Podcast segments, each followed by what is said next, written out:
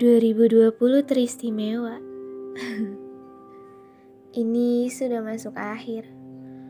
Waktunya kita untuk berpikir bagaimana kita bisa memulai awal yang baru. Sedang akhirnya saja seperti kita belum memulai apa pun. Iya, tahun ini memang banyak tragedi ya bu. Terasa banyak pahitnya, manisnya sebentar saja. Atau bahkan Manisnya terbuang tidak pernah ada, hanya meninggalkan pilu yang tersisa. Bukan berarti kita harus istirahat terus-menerus. Kita diberi waktu untuk berhenti sejenak dan berpikir langkah yang tepat untuk mengatasi masalah ini.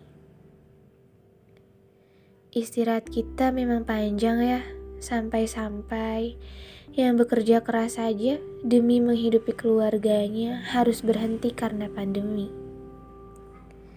Lagi-lagi pandemi terus bertambah, bahkan sudah masuk akhir tahun pun belum juga dia menghilang dari keadaan ini.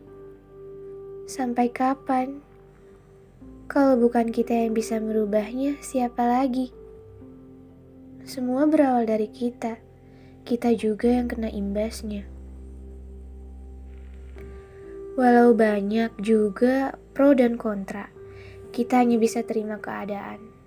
Toh, nantinya juga akan membaik seperti sedia kala. Hanya saja kita harus sabar menunggu. Emang gak ada habisnya kalau kita bahas masalah pahitnya doang.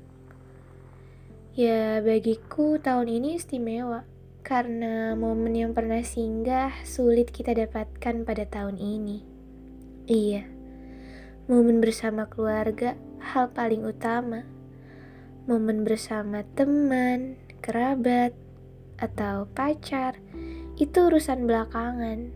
Sulit sekali kita ciptakan karena kita juga tahu keadaannya.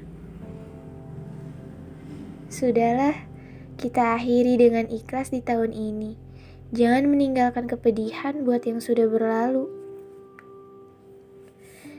Jadikan ini sebagai kenangan, barangkali bisa kita jadikan pelajaran hidup yang mungkin bisa kita ceritakan untuk anak cucu kita nanti ke depannya.